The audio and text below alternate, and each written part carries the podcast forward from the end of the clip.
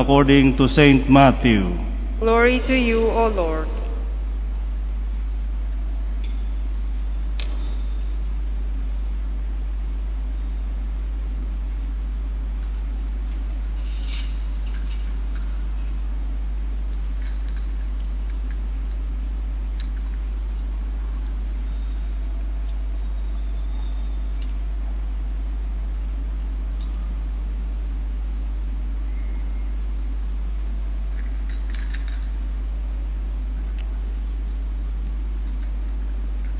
The book of the genealogy of Jesus Christ, the son of David, son of Abraham. Abraham became the father of Isaac, Isaac the father of Jacob, Jacob the father of Judah and his brothers. Judah became the father of Perez and Zerah, whose mother was Tamar. Perez became the father of Hezron, Hezron the father of Ram, and Ram the father of Aminadab. Aminadab became the father of Nashon, Nashon the father of Salmon, Salmon the father of Boaz, whose mother was Rahab. Boaz became the father of Obed, whose mother was Ruth. Obed became the father of Jesse, Jesse the father of David the king. David became the father of Solomon, and whose mother had been the wife of Uriah. Solomon became the father of Rehoboam, Rehoboam the father of Abijah, Abijah the father of Asaph, Asaph the became the father of Jehoshaphat, Jehoshaphat the father of Joram, Joram the father of Uzziah, Uzziah became the father of Jotham, Jotham the father of Ahaz, Ahaz the father of Hezekiah, Hezekiah became the father of Manasseh, Manasseh the father of Amos, Amos the father of Josiah, Josiah became the father of Jeconiah and his brothers at the time of the Babylonian exile. After the Babylonian exile, Jeconiah became the father of Sealtiel, Sealtiel the father of Zerubbabel, Zerubbabel the father of Abiud, Abiud became the father of Eliakim, Eliakim the father of Azor, Azor the father of Zadok, Zadok became the father of Akim, Akim the father of Eliud, Eliud the father of Eleazar, Eleazar became the father of Matan, Matan the father of Jacob, Jacob the father of Joseph, the husband of Mary. Of her was born Jesus, who is called the Christ. Thus, the total number of generations from Abraham to David is 14 generations. From David to the Babylonian exile, 14 generations. From the Babylonian exile to the Christ, 14 generations. Now, this is how the birth of Jesus Christ came about. When his mother Mary was betrothed to Joseph, but before they had lived together, she was found with child through the Holy Spirit. Joseph, her husband, since he was a righteous man, yet unwilling to expose her to shame, decided to divorce her quietly. Such was his intention when behold the angel of the Lord appeared to him in a dream and said, Joseph, son of David, do not be afraid to take Mary, your wife, into your home, for it is through the Holy Spirit thus that this child has been conceived in her. She will bear a son, and you are to name him Jesus, because he will save his people from their sins. All this took place to fulfill what the Lord had said through the prophet Behold, the virgin shall conceive and bear a son and they shall name him Emmanuel, which means God is with us. When Joseph awoke, he did as the angel of the Lord had commanded him and took his wife into his home. He had no relations with her until she bore a son and named him Jesus. The Gospel of the Lord. Praise to you, Lord Jesus Christ. Please be seated.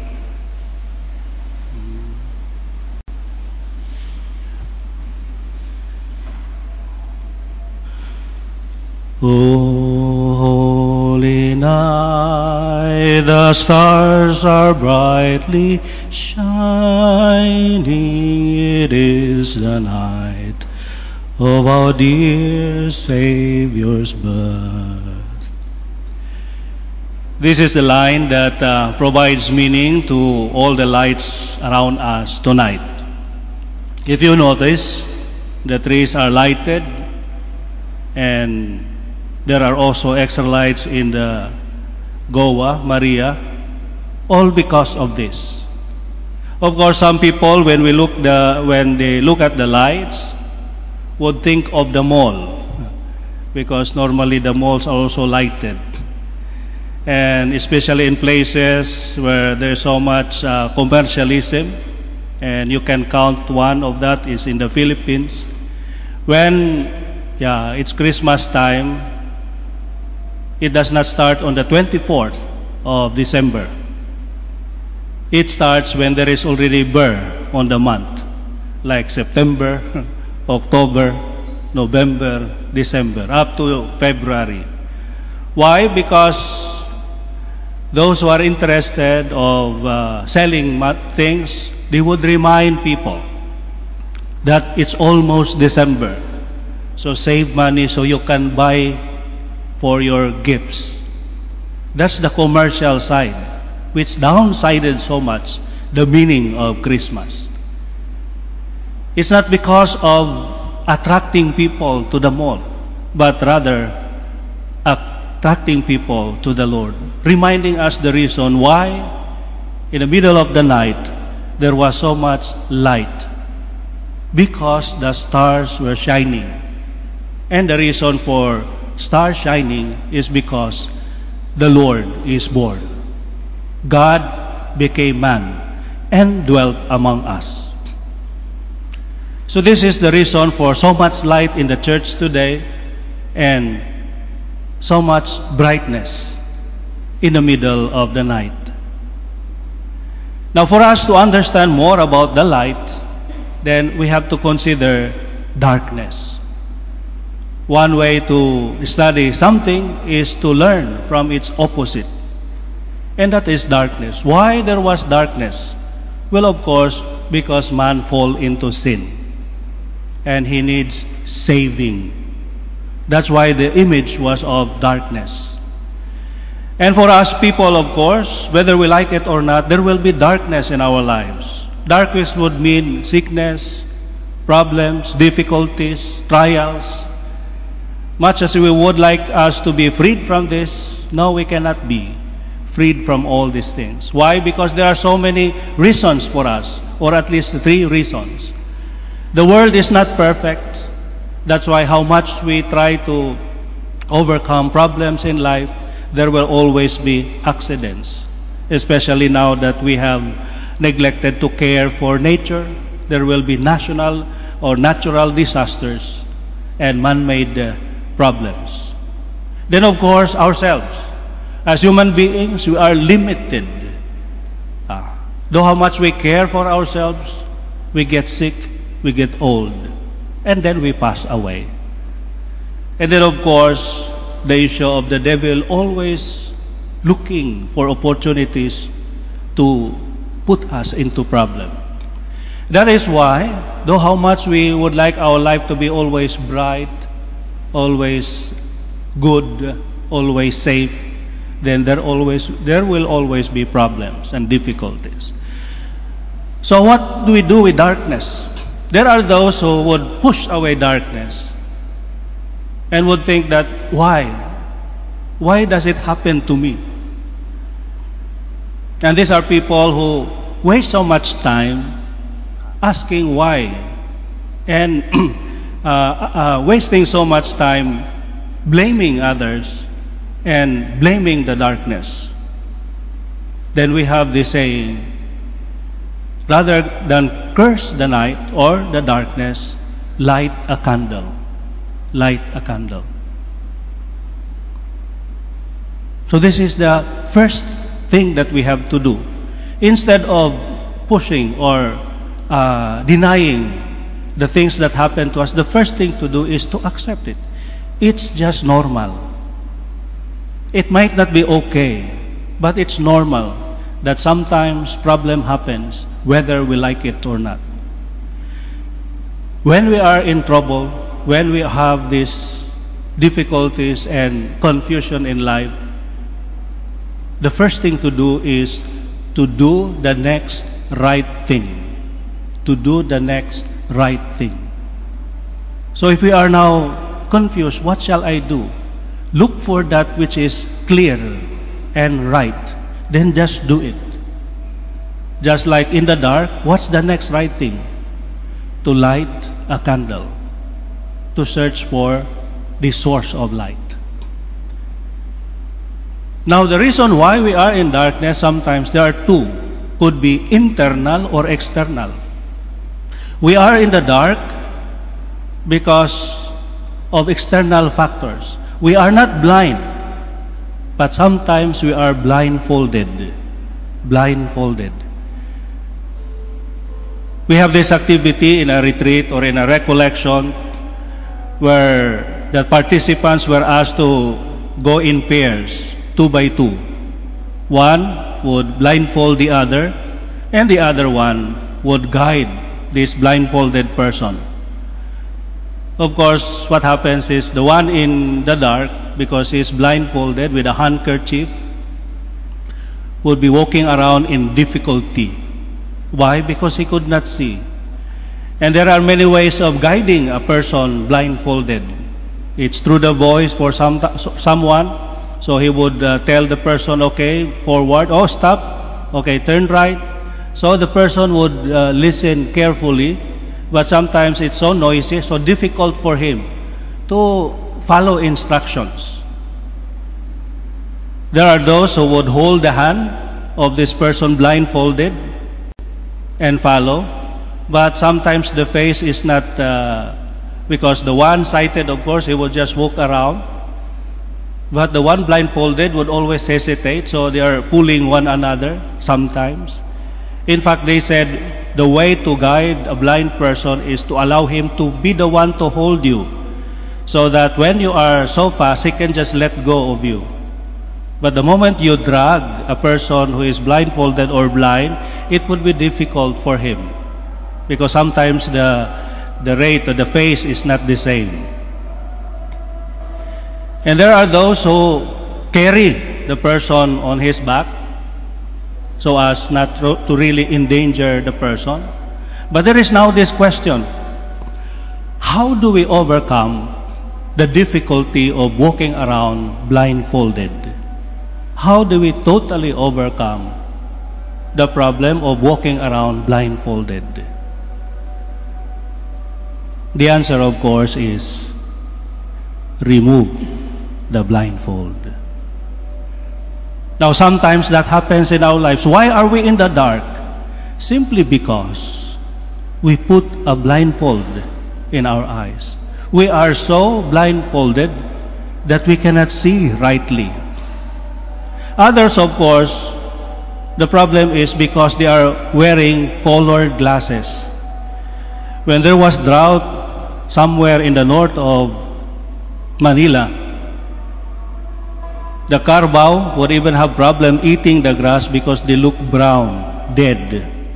Some of the farmers were so inventive, they got some color green wrappings in on Christmas Day and put it on the eyes of the carabao. So when the carabao saw anywhere, it would be green. So they should just keep on eating. Color glasses, meaning prejudices and uh, biases. The one selling these beauty products, how do they do it? Why do they sell these beauty products? Well, the first message that they tell the, the, the people, they tell them, you are ugly. You are ugly. If you want to become beautiful, buy this product. That's why they, we have uh, in Sri Lanka, where I was assigned also, skin whitening is very saleable because the people there are dark skinned. So it's easy to convince them that buy this product because your skin is dark and dark is ugly. That whitening products cannot be sold in UK because people there are so white. That's why they are selling uh, white is ugly, brown is beautiful. So this is the tanner. So those are eyeglasses coloring our sight and making us see differently from reality. So how do we face that? Remove the blindfold, remove the eyeglasses, and let us see correctly. So this is now the first challenge for us. When we have problems, difficulties in life, look into the source. What is the source of the problem? Sometimes it's because of our own doing. And that is why, if we were to be freed from that problem, let us remove the cause. Father, I have this problem with my family. We don't talk so much. We constantly quarrel. Then ask the question, why? Oh, because of my wife. Oh, because of my children. Sometimes or oftentimes it's because of you also. And that is why the changing should happen first in yourself. And of course, the last source of darkness could be inside. Inside meaning we have our own limitations. The person may be truly blind, or the person may have that issues in, in him that he is really totally in the dark. So much frustration, so much uh, difficulties that when, however, he searches for light around, there is no light there is no light. And of course, the way to overcome that problem is to strive to become the light. Become the light, the source of light. When we do, then we overcome these difficulties of being in the dark. How do we become source of the light? And this is now the beauty of Christmas Day. Because God is with us. Of course, we try to source out the light from ourselves. In the past, that cannot be. It's not possible. Because we as human beings are really limited. But when Christ our Lord was born, then there is now the endless source of light. God Himself. And this is where we can imitate the example of Saint Joseph. Saint Joseph as a man who allows the light to enter into his life. Of course, when he learned that Mary was pregnant, even before they have relationship as husband and wife, normally the reaction would be anger,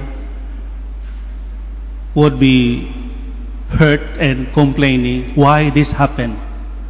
But Saint Joseph, being an honest and a good man, a righteous man, thought of simply divorcing, not publicly shaming the Blessed Mother.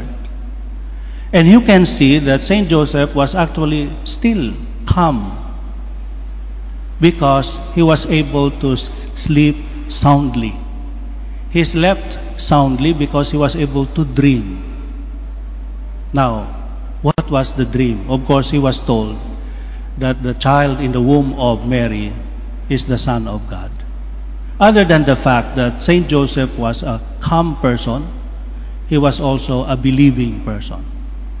And when he allowed this thing to happen into his life, playing the role of a father, foster father to Jesus, then there was light in his life.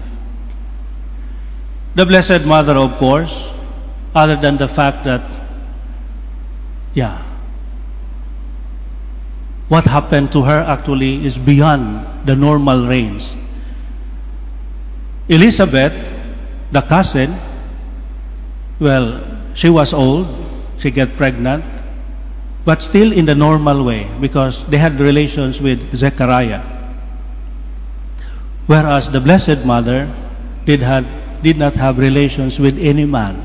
And that is why it was really extraordinary. At the age of 16, the Blessed Mother was able to receive this message and allow this thing to happen to her. And that is why there is light in this world because these two people believed in the Lord and then allowed light to enter into their lives.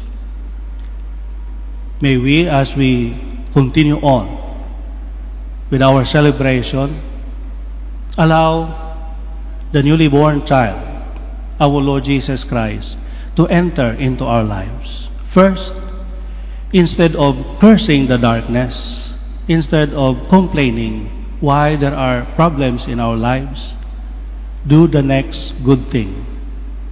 Just light a candle. The call for us is not to brighten the whole world, but simply to brighten at least the corner where we are. Let our presence be a presence of a light bearer. Wherever we are, may people at least be able to smile and to say, Yes, I'm happy that you are around. You lighten my burden, you brighten my day.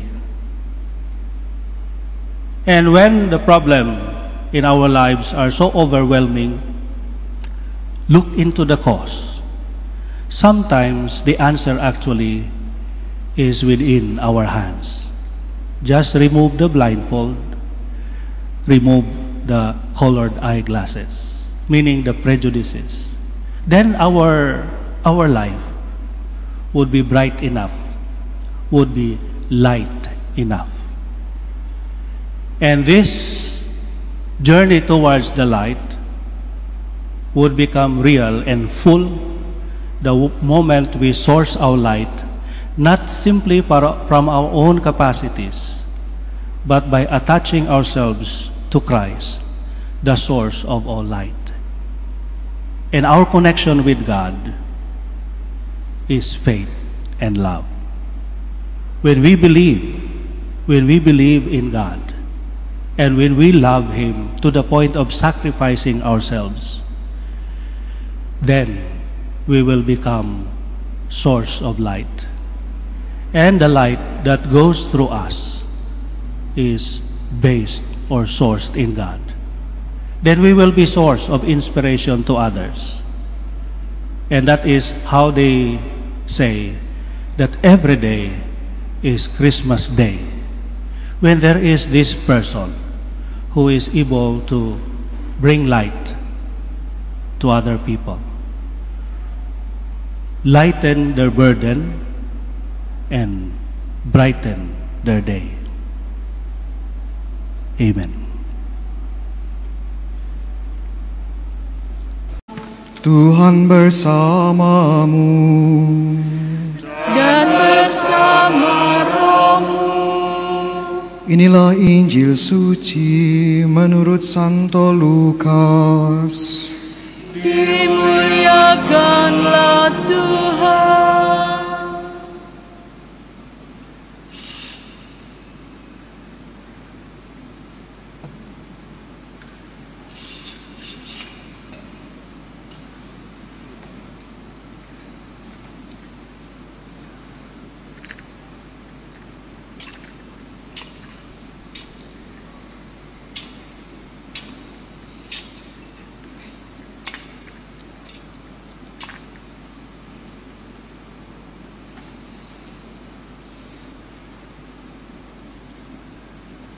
Pada waktu itu, Kaisar Agustus mengeluarkan suatu perintah, menyuruh mendaftar semua orang di seluruh dunia.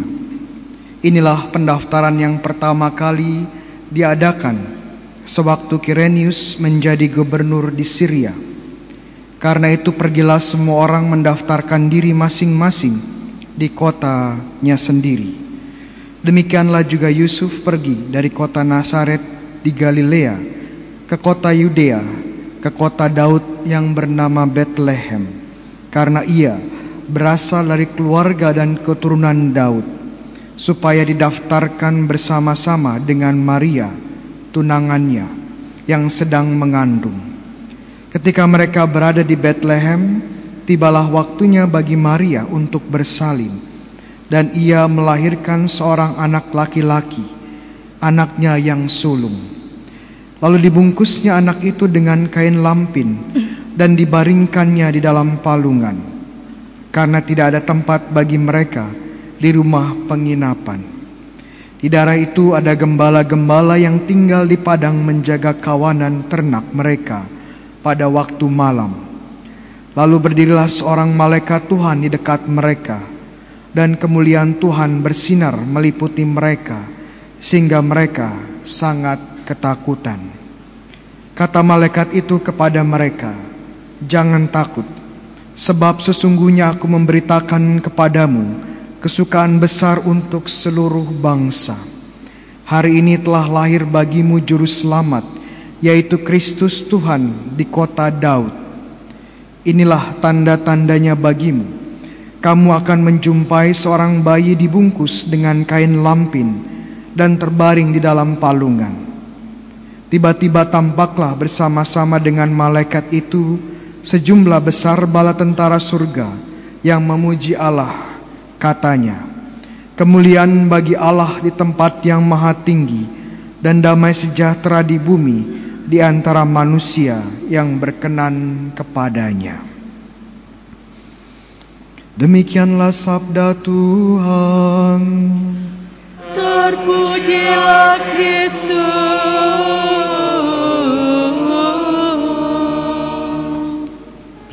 Saudara-saudara yang terkasih, malam Natal merayakan sebuah malam yang terbesar dalam sejarah manusia. Juru selamat kita sudah lahir, Allah menjadi manusia, Sang Immanuel, Sang Immanuel sungguh-sungguh ada di antara kita. Tentunya ini adalah hal yang membuat kita semua bersuka cita.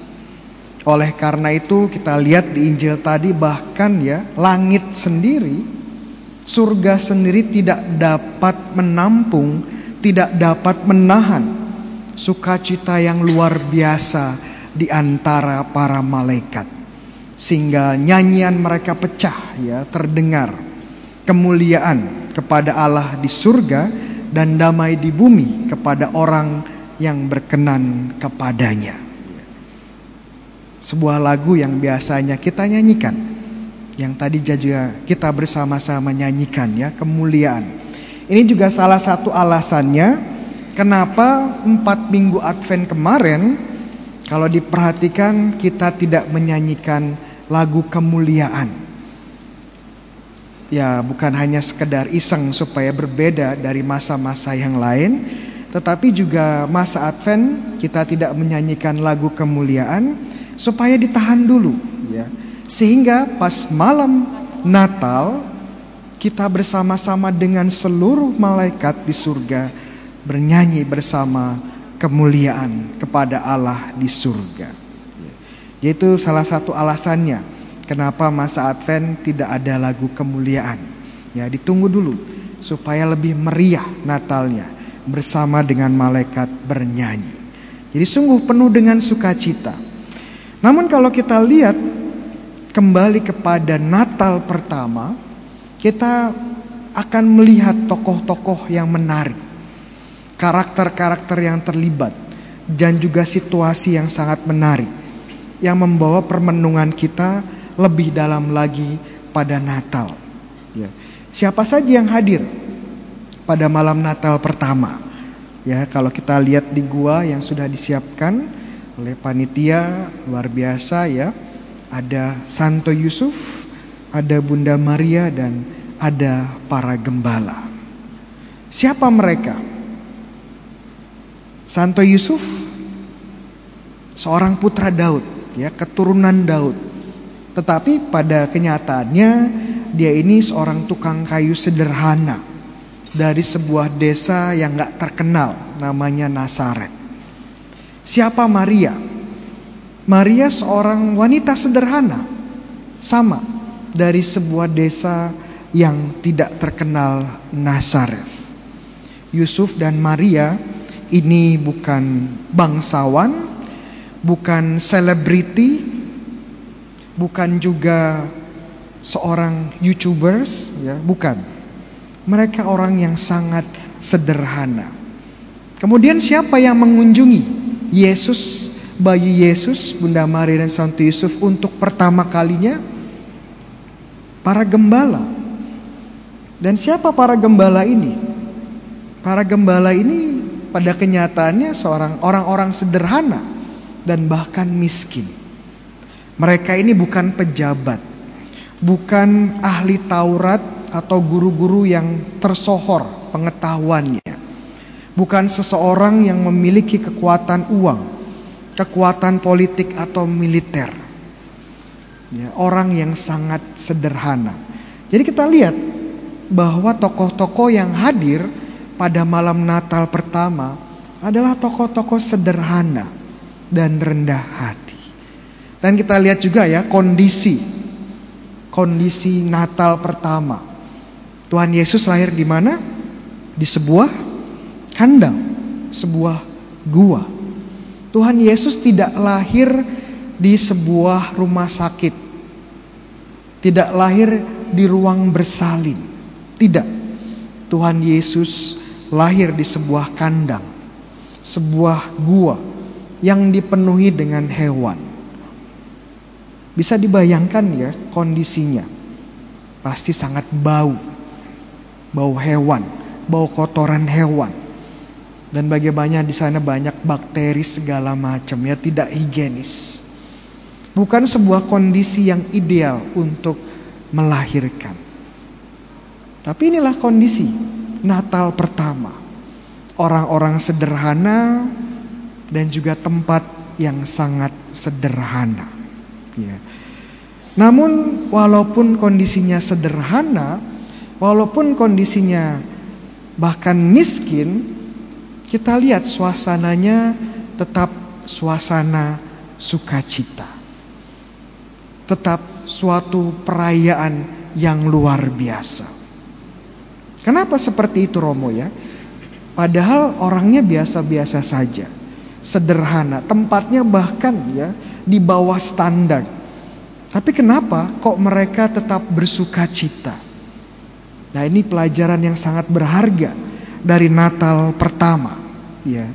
Bahwa arti sukacita yang sejati itu bukan pertama-tama apa yang kita dapatkan, apa yang kita kumpulkan yang membuat kita bersuka cita. Yang membuat kita berbahagia itu bukan pertama-tama ya apa yang kita dapatkan, bukan pertama-tama apa yang dari luar kemudian kita miliki. Bukan masalah berapa banyak ya materi yang kita miliki atau keuntungan ya, profit, cuan yang kita miliki. Bukan berapa besar prestasi kita, bukan berapa besar popularitas kita. Berapa banyak jumlah followers kita atau subscriber kita bukan. Bukan juga besar berapa besar kekuatan politik dan uang kita. Bukan.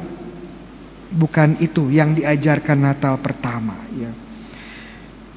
Jadi bukan Natal itu bahagia bukan karena kita mendapatkan banyak hadiah. Kebahagiaan itu bukan berarti kita harus dapat baju baru, sepatu baru, mainan baru, bukan. Kebahagiaan pada musim liburan ini bukan berarti mengunjungi berbagai tempat. Staycation di Bali, di Lombok, ya, Labuan Bajo, ya, di Bunaken, di Raja Ampat, wah semua di checklist ya bagi yang punya uang ya. Yang nggak punya uang gimana Romo? Jangan khawatir ya. Bisa liburan di Paroki Redemptor Mundi ya, wisata petik pisang. Ya. Pisangnya Romo Seto. Gratis ya. Tapi bukan itu. Itu bukan inti kebahagiaan Natal. Lalu kebahagiaan Natal apa Romo? Ya. Ingat bahwa kebahagiaan sejati itu adalah karunia Roh Kudus. Dan makanya kita harus mempersiapkan hati kita sebaik mungkin untuk menerima karunia kebahagiaan sukacita sejati ini. Bagaimana sekarang kita mempersiapkan hati kita? Jawabannya, kita harus belajar dari orang-orang pertama yang hadir pada malam Natal. Bunda Maria, Santo Yusuf dan para gembala. Mereka ini seperti apa sih? Mereka ini nggak punya apa-apa. Mereka ini orang yang sangat sederhana. Tetapi mereka rendah hati. Dan karena kerendahan hati ini, mereka bisa menerima Yesus. Oke, saya harus bedakan ya. Rendah hati itu sangat berbeda dengan rendah diri. Kadang-kadang sering tertukar mana yang rendah hati, mana yang rendah diri. Rendah hati itu adalah sebuah keutamaan sejati. Sedangkan rendah diri itu sebuah kondisi psikologis yang tidak sehat. Rendah diri itu biasanya mengalir dari penilaian yang salah terhadap diri sendiri. Secara khusus merasa diri atau menilai diri kurang mampu, selalu kurang sempurna selalu kurang baik, kurang lengkap. Ya. Dan biasanya kalau orang yang rendah diri itu salah satu efeknya selalu merasa minder. Kadang-kadang juga seringnya merasa insecure. Iya. Itu orang-orang yang rendah diri biasanya. Ya. Dan orang-orang yang rendah diri ini bukan hanya masalah mereka yang minder tidak mau tampil di depan, Orang-orang yang rendah diri juga sebenarnya bisa terjadi pada kita yang sebenarnya berprestasi dalam hidup. Yang kinerja dan performa kita sebenarnya oke okay di dalam hidup. Ada seorang wanita sebenarnya cantik. Tapi karena dia insecure, karena dia merasa rendah diri, saat dia melihat ada wanita yang lebih cantik sedikit, wah galau Gak boleh yang lain lebih cantik. Saya harus paling cantik. Makanya ya yang dulunya mungkin mengunjungi derma ya hanya beberapa kali setahun kemudian menjadi seminggu sekali pergi ke derma ya. Apa yang terjadi ya kantong suami, dompet suami jebol ya.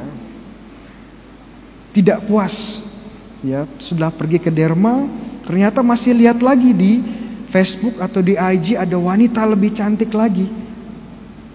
Galau lagi. Gak mau. Akhirnya mulai ya disuntik silikon. Gak puas lagi ikut operasi. Masih gak puas. Akhirnya pergi ke luar negeri. Ya. Pergi ke mana? Ke Korea ya. Sayangnya mendarat di Korea ya saya mendarat di Korea Utara ya jadi bukannya disuntik silikon malah disuntik nuklir ya meledak wajahnya ya. hanya gara-gara galau insecure minder rendah diri orang-orang kadang-kadang berprestasi sebenarnya berprestasi dalam tempat kerja dalam sekolah tetapi karena kurang percaya diri rendah diri selalu merasa tidak sempurna, selalu merasa kurang, dan merasa terancam dengan orang-orang di sekitarnya yang sebenarnya berprestasi juga. Gak bisa lihat orang lain berprestasi. Dan apa yang terjadi?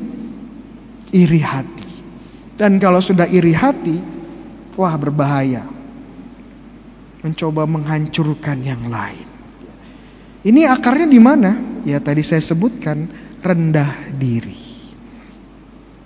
Rendah diri berbeda dengan rendah hati. Yang satu tidak sehat, yang satu keutamaan sejati. Rendah hati seperti apa sih Romo? Ya rendah hati seperti apa? Rendah hati adalah kemampuan kita ya untuk menilai diri secara objektif dan mampu melihat siapa diri kita sesungguhnya. Siapa diri kita sesungguhnya? Ada yang tahu?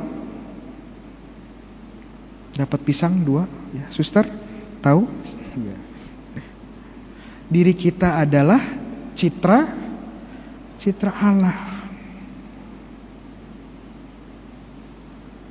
Jadi kalau kita mengenali diri kita sebagai citra Allah, kita menyadari dengan objektif apa yang merupakan talenta kita, apa yang bukan, apa yang merupakan potensi kita kita terima, apa yang masih kurang kita kembangkan.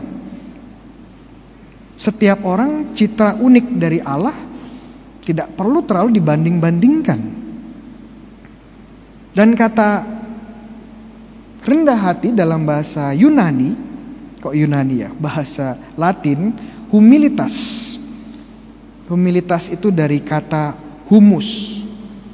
Humus tahu artinya apa? Humus itu tanah, kotoran. Ya, makanya pupuk humus itu kan dari kotoran. Jadi menyadari bahwa diri kita itu tidak lebih baik dari kotoran atau humus. Kalau kita lihat kejadian, Tuhan menciptakan kita dari apa? Dari tanah. Sebenarnya kita tanah, ya. Dari tanah dan kembali ke tanah. Tapi walaupun kita tanah, kita dibentuk oleh Tuhan. Dicintai oleh Tuhan, dijadikan citranya. Kita berharga, kita penting karena kita dicintai oleh Tuhan. Itu nilai kita. Bukan apa yang kita dapatkan di dunia ini. Bukan prestasi kita pertama-tama. Tapi menyadari bahwa kita dicintai Tuhan. Dan semua apa yang ada di dalam diri kita, segala talenta kita, ini dari Tuhan. Nah karena kita sadar itu, bahwa semuanya dari Tuhan, kita pun akan selalu bersyukur. Semua dari Tuhan, semua berkat, semua indah, kita akan bersyukur. Dan saat kita mampu selalu bersyukur, kita akan selalu bahagia. Rendah diri itu resep untuk tidak bahagia. Rendah hati itu kunci untuk bersuka cita. Dan ini kenapa Bunda Maria dan Santo Yusuf dipilih oleh Tuhan menjadi Bunda Kristus dan orang tua Yesus. Mereka ini bukan orang yang kaya, bukan orang yang berprestasi, bukan orang yang memiliki kekuatan secara politik. Tidak. Mereka hidupnya sangat sederhana. Miskin bahkan. Dan kita lihat hidup mereka banyak penderitaan. Tetapi kenapa mereka bisa bersuka cita? Karena mereka melihat semua bagian hidup mereka sebagai berkat Tuhan. Kalau kita nggak bisa melihat ya Yesus yang ada di kandang kotor, kandang hina, jangan harap kita bisa bersuka cita.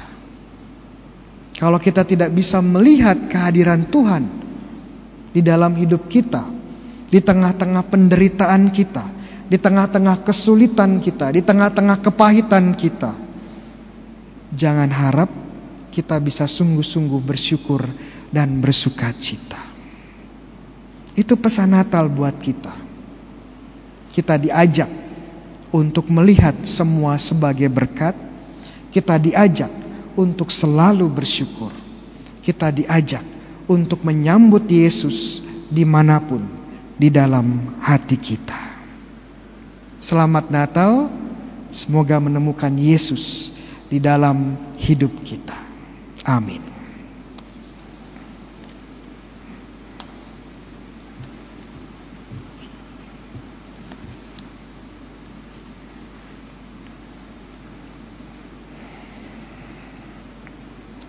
Tuhan bersamamu dan bersama rohmu. Inilah Injil suci menurut Santo Lukas. Dimuliakanlah Tuhan.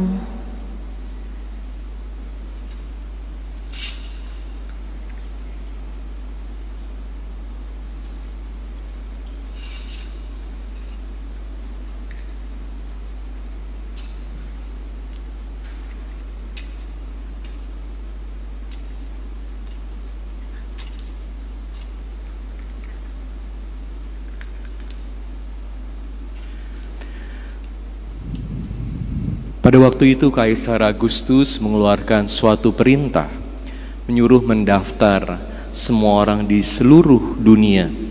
Inilah pendaftaran yang pertama kali diadakan sewaktu Kirenius menjadi gubernur di Syria. Karena itu pergilah semua orang mendaftarkan diri masing-masing di kotanya sendiri.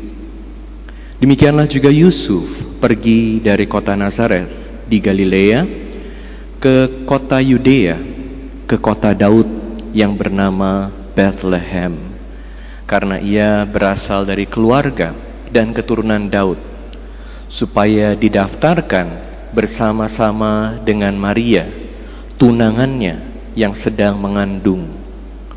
Ketika mereka berada di Bethlehem, tibalah waktunya bagi Maria untuk bersalin, dan ia melahirkan seorang anak laki-laki anaknya yang sulung. Lalu dibungkusnya anak itu dengan kain lampin dan dibaringkannya di dalam palungan karena tidak ada tempat bagi mereka di rumah penginapan. Di daerah itu ada gembala-gembala yang tinggal di padang menjaga kawanan ternak mereka pada waktu malam. Lalu berilah seorang malaikat Tuhan di dekat mereka dan kemuliaan Tuhan bersinar meliputi mereka, sehingga mereka sangat ketakutan. Kata malaikat itu kepada mereka, "Jangan takut, sebab sesungguhnya aku memberitakan kepadamu kesukaan besar untuk seluruh bangsa. Hari ini telah lahir bagimu Juru Selamat, yaitu Kristus Tuhan di kota Daud. Inilah tandanya bagimu. Kamu akan menjumpai seorang bayi dibungkus dengan kain lampin dan terbaring di dalam palungan. Tiba-tiba tampaklah bersama-sama dengan malaikat itu sejumlah besar bala tentara surga yang memuji Allah. Katanya, kemuliaan bagi Allah di tempat yang maha tinggi dan damai sejahtera di bumi di antara manusia yang berkenan kepadanya. Demikianlah sabda Tuhan. Terpujilah Kristus. Saudara-saudari saya yang terkasih dalam Kristus, hari ini kita semua bersuka cita karena kita merayakan pesta ulang tahun, ulang tahun dari Kristus. Dan doa kita adalah supaya Kristus sungguh-sungguh hadir dalam hati kita, memperbaharui kita, sehingga kita juga bisa menjadi seperti Kristus sendiri. Hari ini saya mau mengajak Anda untuk merenungkan kisah yang disampaikan oleh pengarang Injil Lukas ini mengenai kelahiran Yesus ada beberapa hal yang saya mau ajak Anda untuk dalami. Pertama, kita melihat bahwa Yesus lahir dalam kegelapan. Kedua, Yesus sang bayi ditemui bisa ditemui di atas palungan, di dalam palungan. Kegelapan, palungan dan yang ketiga para gembala apa artinya dari hal-hal ini? Pertama, kita melihat bagaimana Yesus lahir dalam kegelapan. Anda tahu Yesus lahirnya jam berapa? Apa Yesus lahir siang hari, sore hari, atau malam hari? Biasanya, kalau kita dengar cerita Natal dan kita sudah membayangkan kisah Natal, kita bayangkan bahwa Yesus lahir di malam hari. Apakah ini secara jelas dikatakan dalam bacaan Injil yang baru saja kita baca? Tidak secara jelas. Jadi kita tidak tahu persis Yesus lahirnya itu siang, sore, atau malam. Seringkali karena kita berpikir bahwa para malaikat ini menampakkan diri kepada para gembala yang jaga malam, oh itu berarti Yesus lahir di malam hari, belum tentu. Yang pasti adalah bahwa Yesus lahir dalam kegelapan dunia yang berarti kegelapan dosa. Dan ini dikatakan dalam bacaan pertama, bangsa yang berjalan dalam kegelapan telah menyaksikan terang yang hadir. Dan terang itu tentu tidak lain adalah Kristus sendiri. Jadi Yesus lahir di tengah situasi manusia yang penuh dengan dosa. Kalau kita melihat tokoh-tokoh Natal, kita melihat salah satunya tentu Herodes.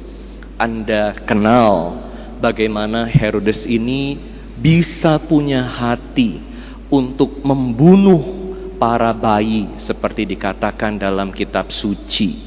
Demi apa? Melindungi dirinya. Bukan hanya itu, kitab sejarah menjelaskan bagaimana Herodes ini begitu kejam. Demi kuasanya, dia sampai bersedia membunuh istri yang dia cintai, bahkan membunuh dua anaknya. Luar biasa kejamnya. Anda bisa bayangkan seorang yang penuh dengan kuasa duniawi ternyata juga tidak dipenuhi dengan ketenangan hati. Ternyata juga tidak dipenuhi dengan sukacita. Inilah tipuan dosa. Kalau kita hidup dalam dosa, mengejar dan melekat hanya pada berbagai hal duniawi seperti kuasa, kekayaan, kenikmatan dunia, kita akan dikuasai oleh dunia tidak ada terang dalam hidup kita. Kita hidup dalam kegelapan. Kita juga melihat tokoh kalau kita dengar bagaimana Yesus dilahirkan di kandang hewan, alasannya karena apa? Ini karena tidak ada tempat buat keluarga kudus untuk Bunda Maria bisa melahirkan di tempat yang pantas. Anda bisa bayangkan bagaimana para pengelola tempat penginapan ini kok sampai tidak punya hati, kok tega. Padahal kalau kita melihat seseorang yang udah hamil, hamil besar, mau melahirkan, apa yang akan Anda lakukan? Pasti kita yang bisa ikut merasakan bagaimana perasaan wanita tersebut berusaha untuk membantu, memberikan yang terbaik, apa pun yang kita punya, yang terbaik yang kita bisa berikan, kita berikan kepada wanita yang hamil ini, supaya bisa lebih nyaman, lebih sehat. Tapi kenapa dalam situasi Bunda Maria dan Santo Yosef, Bunda Maria harus melahirkan di kandang hewan? di mana mereka-mereka yang punya kamar, punya rumah, kok nggak ada yang peduli? Itulah kegelapan dosa. Walaupun di depan kita ada hal-hal yang kita perlu perhatikan, yang sudah begitu jelas membutuhkan bantuan kita, tapi sering kali kita tutup mata, tidak peduli tidak punya hati karena hanya sibuk dengan urusan kita saja. Tidak heran kalau dikatakan Yesus lahir dalam kegelapan. Dan Yesus lahir di kandang hewan dan dibaringkan di palungan. Apa sih palungan itu? Palungan kan tempat makan hewan. Apa artinya? Yesus terbaring sebagai seorang bayi di palungan. Kita bersyukur bahwa hari ini Allah menjadi manusia.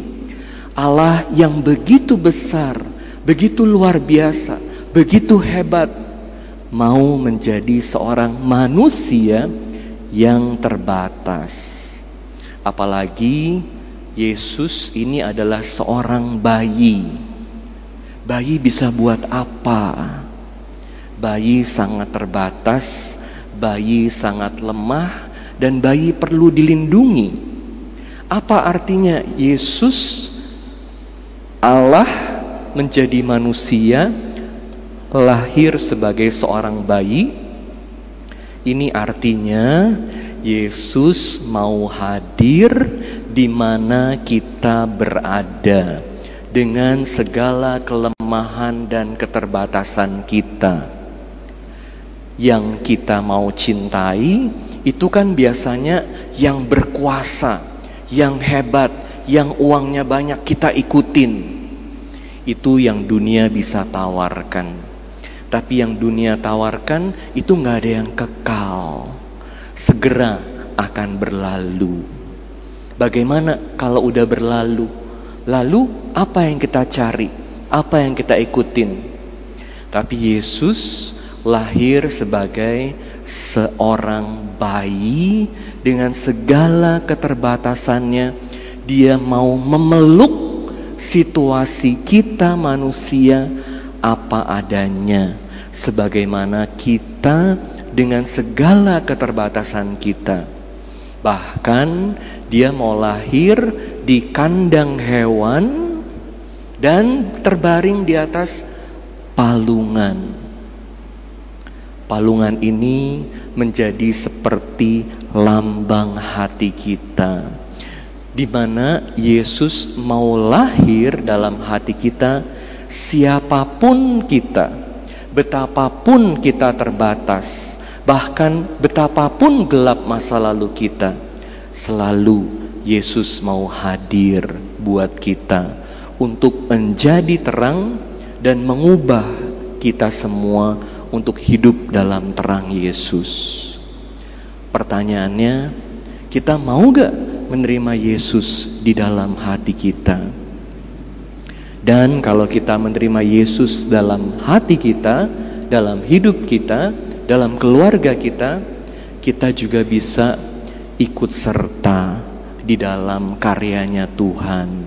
Seperti para gembala dipakai oleh Allah mereka yang paling sederhana, justru mereka yang bisa mendengar, menerima, melihat Yesus yang hadir di dunia.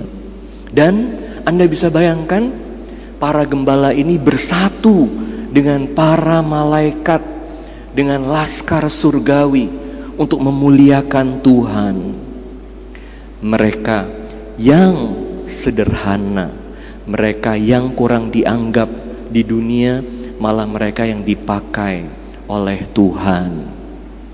Siapa pun kita, Tuhan bisa pakai kita untuk karyanya menjadi bagian dari kisah Tuhan. Kalau hari ini kita bersyukur bisa hadir di gereja, Anda sekalian seneng gak bisa ikut misa, misa Natal di gereja? Puji Tuhan, senang sekali. Habis ini mungkin Anda udah punya rencana macem-macem. Tapi nggak semua orang seberuntung Anda bisa dengan berbagai fasilitas yang Anda bisa nikmati. Salah satunya adalah mereka yang baru aja terkena bencana dari Semeru tentu mereka mengalami banyak trauma. Ada umat kita yang pada bantu untuk pergi ke Semeru, terutama OMK dan anak-anak beasiswa UKDC yang dibiayai oleh Romo-Romo Dominikan. Mereka pergi untuk menemani para korban juga bawa bantuan ya ke yang terpengaruh dari Semeru. Lalu mereka ini um, cerita bagaimana para korban ini juga sangat takut. Banyak sekali yang sakit, banyak yang cerita mereka udah berusaha untuk bangun rumah sebaik mungkin, kumpulin uang, sekarang rumahnya rusak. Jadi bagaimana dengan masa depan mereka? Mereka nggak tahu apa yang akan terjadi dengan masa depan mereka. Tapi syukur pada Tuhan, anak-anak kita, anak-anak OMK yang datang ke sana dan tinggal bersama para korban untuk beberapa hari itu terus berusaha untuk menjadi berkat buat orang-orang yang terpengaruh ini. Dan kalau Anda tahu, walaupun mereka ini hadir dari latar belakang keluarga yang sangat sederhana, tapi mereka bisa menjadi berkat yang luar biasa buat para korban. Salah satunya ada anak beasiswa ya namanya Flora saya udah minta izin sama Flora untuk sedikit cerita tentang dia. Karena dia dibiayai oleh beasiswa ASA Romo-Romo Dominikan. Flora ini asalnya dari Nias dan dia punya kisah dari dia masih kecil baru umur tiga bulan mamanya udah meninggal. Bayangkan dia baru umur tiga bulan mamanya udah meninggal Berapa bulan yang lalu papanya meninggal karena sakit. Dan waktu mamanya meninggal karena dia ini papanya nggak bisa, nggak punya kemampuan untuk besarin dan rawat anak-anaknya, dititipin ke panti asuhan di Nias. Dan sesudah selesai SMA, kemudian suster-suster telepon kita Romo-Romo Dominikan untuk bisa gak kita ditolong. Makanya kita bisa bantu Flora. Tapi dengan latar belakang yang sangat sederhana. Syukur pada Tuhan, Flora bisa main gitar, bisa main organ, bisa menghibur, prestasi akademiknya juga bagus, bahkan dikirim untuk lomba-lomba oleh universitas. Dan saat uh, Flora dan teman-teman anak-anak beasiswa ini kunjungan menemani beberapa hari, mendengarkan, menghibur, ajak anak-anak untuk main, bukan hanya kasih sumbangannya ya, bawa sumbangannya, tapi hadir bersama mereka. Walaupun dengan latar belakang yang sangat terbatas, tapi Tuhan bisa pakai dia untuk menjadi berkat buat banyak orang. Bagaimana dengan kita? Kita semua diundang supaya Yesus lahir dalam hidup kita, Yesus menggunakan kita supaya bisa menjadi alatnya dan bagian dari karyanya. Kalau kita mau membuka hati kita pada kelahiran Yesus untuk hadir dalam hati kita dan bisa menjadi terang buat banyak orang, orang-orang di sekitar kita.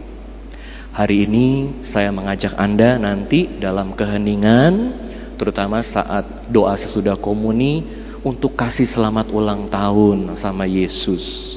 Yesus selamat ulang tahun. Seringkali kita nunggu dapat hadiah kalau Natal.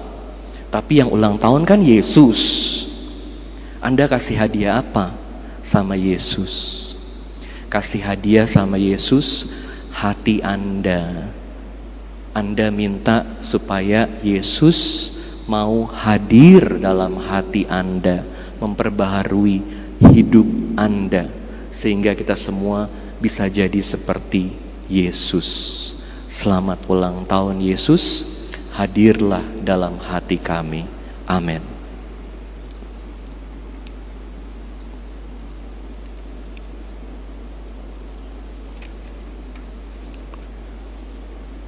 Mari kita nyatakan syahadat iman kita.